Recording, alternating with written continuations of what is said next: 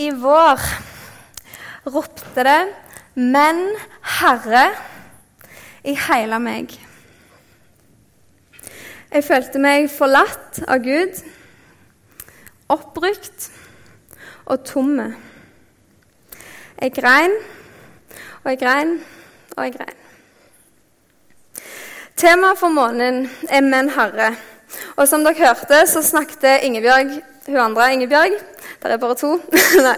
Ei annen Ingebjørg eh, snakket om eh, at det er ikke noen motsetning å kalle Jesus som Herre og det å stille spørsmål til Gud.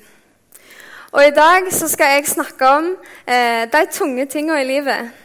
Når vi kjenner det som vi er i ei ødemark eller i en dyp dal. Jeg skal snakke om hvordan Gud møter oss da, og hva Bibelen har å si inn i det. Alle av oss har i større eller mindre grad opplevd at livet er vondt. Men jeg har lyst til å starte med å si at noen her inne og noen eh, som hører på, vet dette bedre enn andre. Noen har opplevd at livet kan være beintøft. Og jeg tenker at I en måned med et tema som dette, så er det noe vi må ha litt langt framme i bevisstheten. For alle av oss vet ikke hvordan det kjennes å være deprimert. Og alle av oss vet ikke hvordan det oppleves å ha fått en kronisk sykdom. Vi kan heller ikke vite hvordan det føles å være et annet menneske og gå gjennom det de har opplevd, for vi er så forskjellig skrudd sammen. Derfor må vi lytte mye mer enn vi snakker eh, når vi snakker om temaer som dette. Og så må hver opplevelse få være nettopp sin egen. Jeg har òg lyst til å si, og dette bør egentlig ikke overraske oss, men jeg sier det likevel Det går an å trenge hjelp utover det en tale eller et forbønnsrom kan gi. For som vi skal snakke om snart, så har Gud omsorg for hele mennesket. Ikke bare på et åndelig plan, men han har det òg på et psykisk og fysisk plan. Og Gud kan møte oss i alt dette, men det er ingen motsetning å ta imot hjelp fra andre mennesker. Noen ting er så vanskelige, og noen følelser er så vonde å bære at vi skal og må ta imot profesjonell hjelp. Når det er sagt, så håper jeg at denne talen har noe til mange av dere. Men min bønn er at han kan tale inn til deg som sliter med å se lys i mørket. Herre, vi ber om at din vilje skal skje i kveld, her i misjonssalen, sånn som i himmelen. La blinde få syn igjen. La fanger få frihet, og la undertrykte bli satt fri. Vi ber om at vi skal høre og forstå og ta til av ta til oss av det gode budskapet som du har for oss, far. Amen. I kveld så skal vi se på to fortellinger om mennesker i Bibelen eh, som roper 'Men Herre'. Og vi skal få se hvordan Gud møter dem. Og Det er derfor jeg har frimodighet til å stå her i dag. Jeg tør å prøve å si noe inn i ei vond tid fordi jeg skal dele noe om Gud. En Gud som er nær sønderknuste sjeler. En Gud som kan lege åpne sår. En Gud som tok på seg all sykdom og smerte nettopp for at du en dag skulle kunne legge av deg alt som er vondt. Men som alle her inne har merka, så er ikke vi på en sånn en plass ennå. Vi lengter etter det, og det roper i oss i protest hver gang noen dør, eller hver gang eh, urett blir gjort. For vi er skapt for en annen verden. Vi merker hver dag at syndefallet fikk fatale konsekvenser. Både i oss og rundt oss. Alt er påvirka av det. Og nettopp derfor så har vi dager der det er vanskelig å smile. Dager hvor det er vanskelig å prise Gud der det er vanskelig å håpe og vanskelig å leve.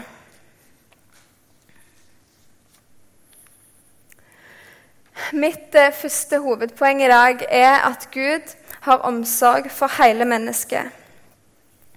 Og det gir jo god mening, for det er jo han som har skapt oss som mennesker. Men vi skal se på en historie i første kongebok 19, der dette kommer ekstra tydelig fram.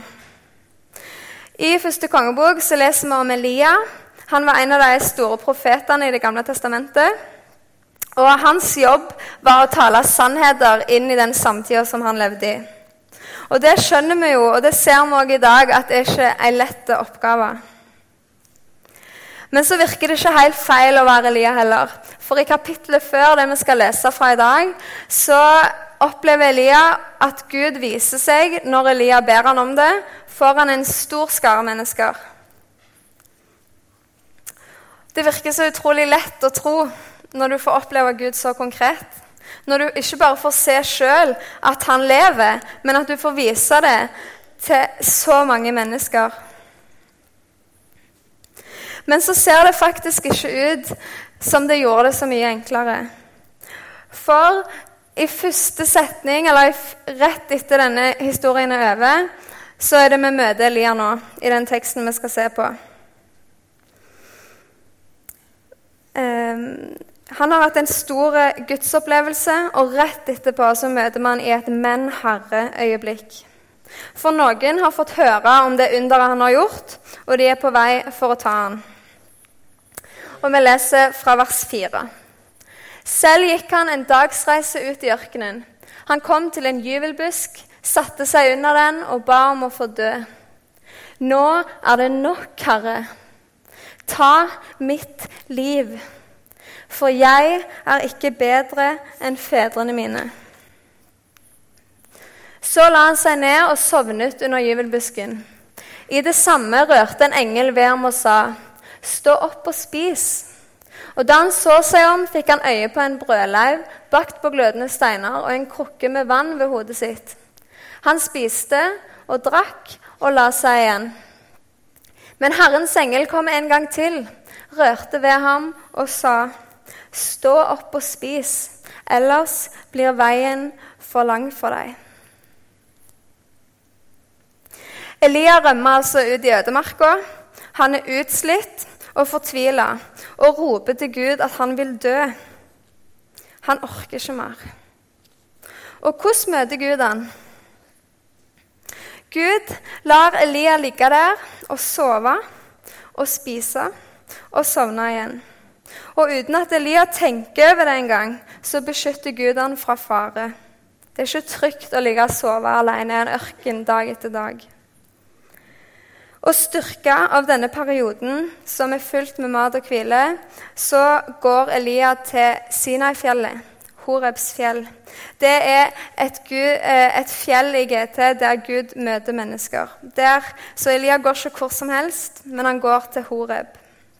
Og vi leser eh, fra vers 11 når Elia får høre Guds stemme der. Da sa Herren, gå ut og still deg opp på fjellet for Herrens ansikt, så vil Herren gå forbi.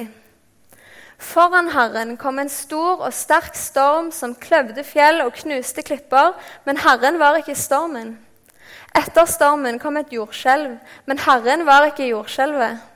Etter jordskjelvet en ild, men Herren var ikke i ilden etter ilden lyden av skjør stillhet. Da Elia hørte den, dro han kappen for ansiktet, gikk ut og stilte seg i huleåpningen. Da lød en stemme som sa, 'Hvorfor er du her, Elia?'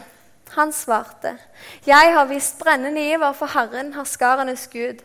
'For israelittene har forlatt din pakt. Dine altere har de revet ned, og dine profeter har de drept med sverd.' 'Jeg er den eneste som er igjen, og nå står de meg etter livet.' Da sa Herren til ham, 'Gå tilbake den veien du kom, og ta så veien gjennom ørkenen til Damaskus.' 'Når du kommer dit, skal du salve Hasael til konge over arameerne.' Elia får altså et møte med Gud. Og I det møtet så får Elia lov til å sette ord på det som har tatt motet fra han. Og Han får ikke lov til å sette ord på det til hvem som helst, men til han som har all makt. Og vet du, Gud svarer ikke 'alt kommer til å ordne seg'. men han viser han hva som er neste steg for Elia nå. Og noe har skjedd med Elia i det møtet, for han tar det steget. Gud møter og har omsorg for hele mennesket. Og i møte med Elia så var hvilen en helt sentral del av Guds omsorg for ham. Og det er det òg for oss. Hvilen er en av måtene Gud bekrefter vår uendelige verdi. Den som vi får før vi i det hele tatt har løfta en finger eller tatt vårt første åndedrett. Har du tenkt på at hviledagen var den første dagen mennesket opplevde? Gud skapte jorda først, og så mennesket, og deres første dag som de opplevde, var hviledagen. Gud gjorde alt ferdig, og menneskene kunne bare ta imot. Og med det så viser Gud at vi er ikke det vi gjør, eller det vi produserer. Hver enkelt av oss er et mål i seg sjøl, i kraft av å være et menneske skapt i Guds bilde. Ingen, ingen av oss skal måtte forsvare, opprettholde eller bevise vår verdi med hva vi kan bidra med.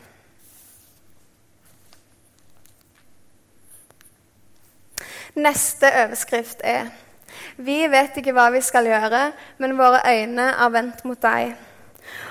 Og Dette er fra en fortelling i andre krønikebok, kapittel 20, og det er den vi skal se på nå.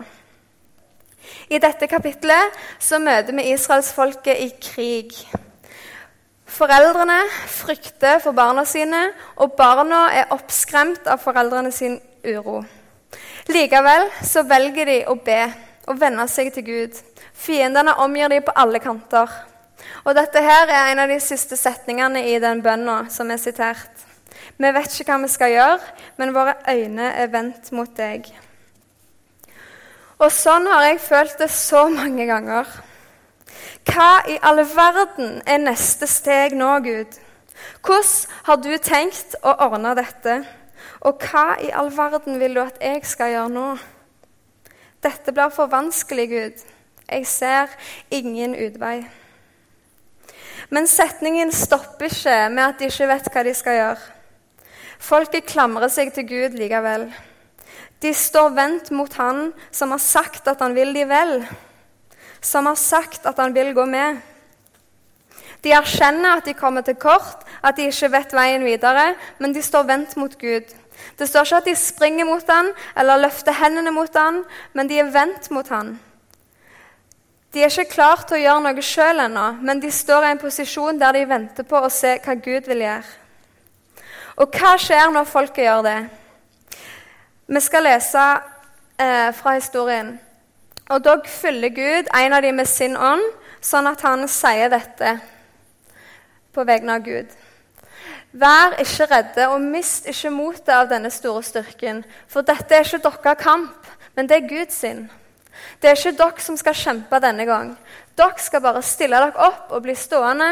Så skal dere se hvordan Herren frelser dere. Herren skal være med dere. Og i tillit til at det Gud har sagt, er sant, så drar israelsfolket ut i slaget. Og i det sekundet de stemmer i lovsang, så faller fiendene i bakhold. Gud sine løfter holdt. Kanskje så spør du deg hvorfor jeg bruker denne teksten. Vi vet jo at det ikke alltid er så lett. At Vi har erfart at Gud ikke griper inn hver gang vi ber han om å gjøre det. Jeg bruker denne teksten for jeg har lyst til å fortelle deg at Gud har vunnet en så sykt mye større seier enn den vi får se Israel oppleve her. En seier som du kan få lov til å ta imot. På korset vant Gud en seier som bekjempa døden og all sykdom, all synd, alt mørke. Der viste Gud sin barmhjertighet for alle mennesker. Derfor er det alltid håp, uansett hva du har opplevd.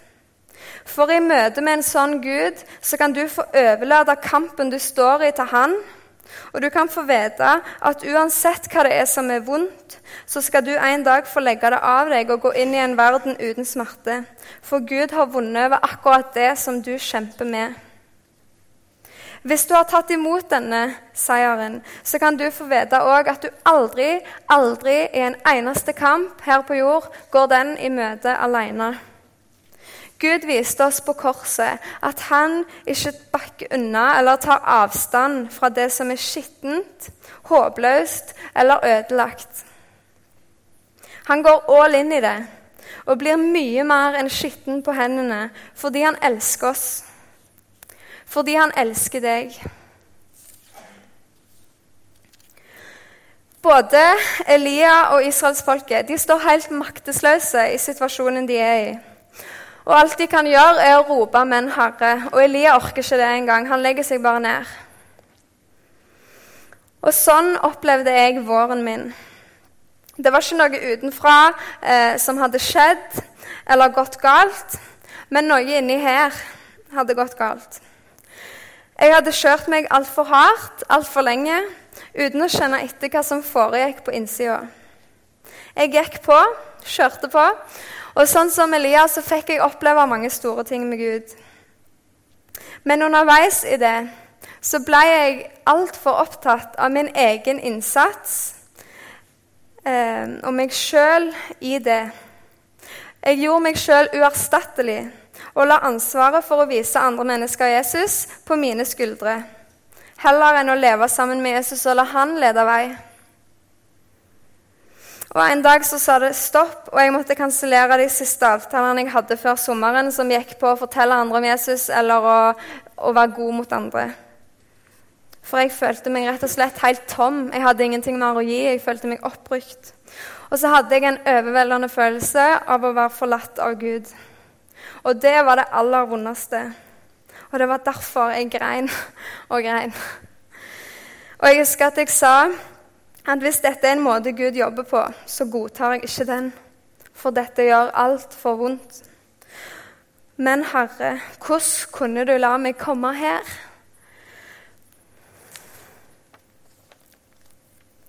Etter det som ble ei vond tid, der veldig mange her inne var veldig tålmodige med meg, eh, så begynte det å forandre seg noe i meg. Jeg begynte å se med nye øyne på den situasjonen jeg var i. Jeg begynte å kjenne frihet i denne maktesløsheten som jeg kjente på. For jeg hadde slutta å kjempe.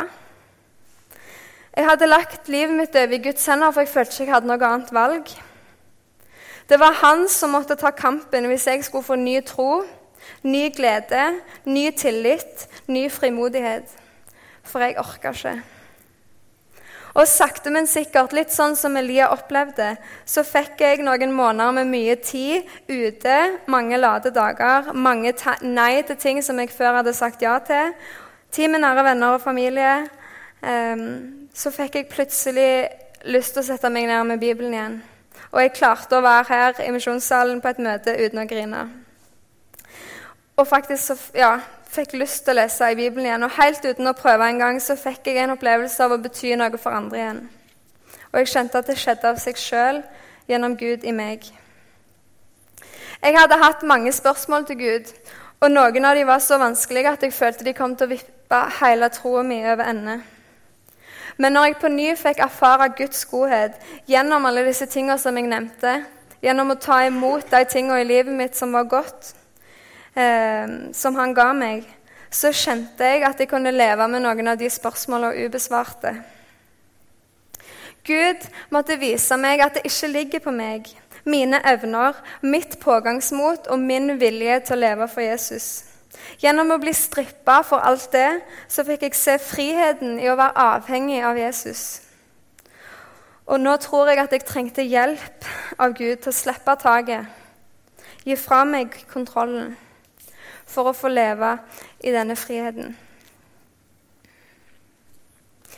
Men ikke alle opplever et sånn før og etter som jeg står og forteller om nå.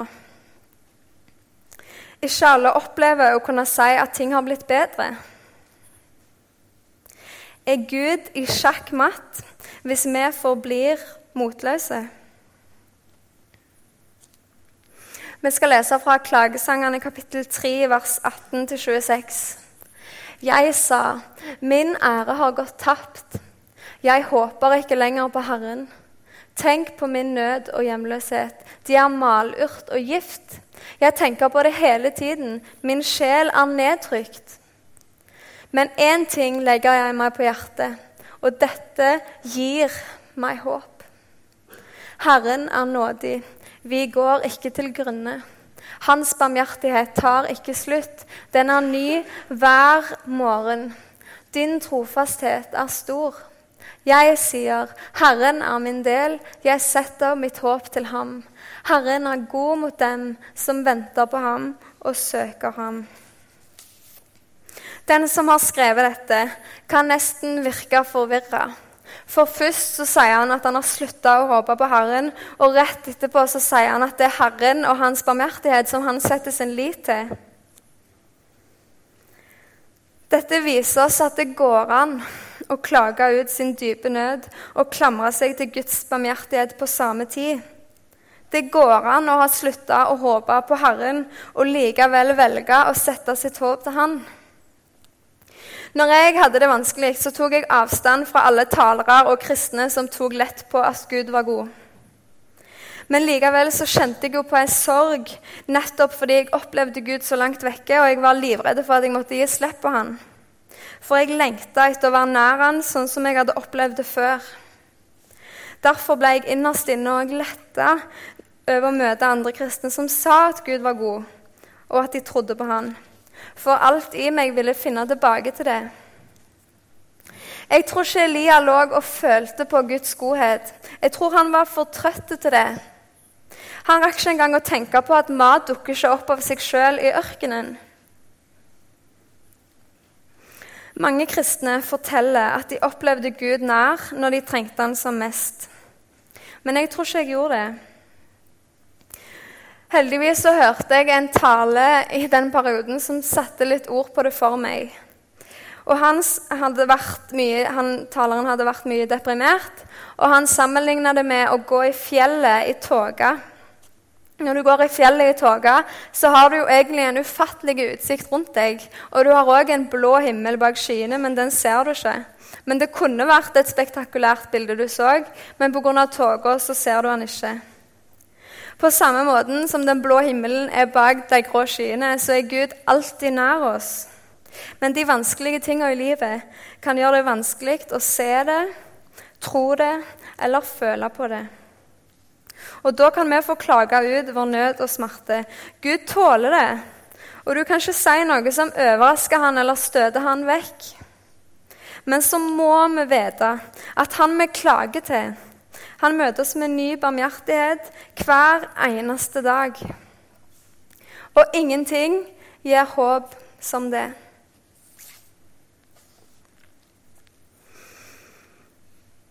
Som Elia så ble jeg tvunget til å stoppe opp. Og gjennom det så fikk jeg erfare Guds godhet uten å være klar over det sjøl. Og sånn som israelsfolket ikke visste hva de skulle gjøre, så visste ikke jeg heller hva som var veien videre nå. Men Gud grep inn og sa at kampen var hans, og at han hadde vunnet den kampen. Ikke bare vant han den for meg sånn som jeg trengte det da, men han vant den en gang for alle på korset. For at du og jeg skal ha håp, et evig håp, i Kristus Jesus. Gud møtte Elia i stillheten. Andre ganger i Bibelen så viser Gud seg i at fjell skjelver eller i lyn og torden. Men her leste vi at Gud møtte Elia i skjør stillhet. Kanskje gjorde Gud det fordi skjør var akkurat det Elia var der og da. Og Gud kan møte deg der du er akkurat nå. Han er ikke avhengig av den og den musikken for å være til stede. Han er ikke avhengig av at du orker å løfte hendene eller å formulere ei bønn. Han trenger seg ikke på, men han venter på å få møte deg der du er akkurat nå. Det kan du få stole på, det kan du få sette din lit til. Vi ber. Herre, takk for at du er her. Takk for at du alltid er nær. Nå ber jeg om at du skal møte de som trenger det. Gi dem mot til å slippe taket, til å kaste seg på deg. Gi dem mot til å snakke med noen. Gi dem mot til å sørge. Gi dem mot til å slippe deg inn i smerten. For du er god, Gud. Du er barmhjertig. Du er trofast. Du har ny nåde til oss hver dag. Og vi er redde. Vi vet ikke alltid hva vi skal gjøre. Og det letteste er kanskje å stenge deg ute. Men jeg ber om at vi skal få mot til å slippe deg inn og la deg berøre oss, far. For du har skapt oss, du kjenner oss, du vet alt om oss, og du elsker oss likevel. Og jeg ber Jesus om at du skal fylle dette rommet nå med din ånd, og at du skal komme nær, og at du skal møte oss. Du kjenner hva hver enkelt står i. Og du har vært i den dypeste smerte sjøl. Vi er aldri alene. Vi er aldri forlatt. Takk, Jesus. Amen.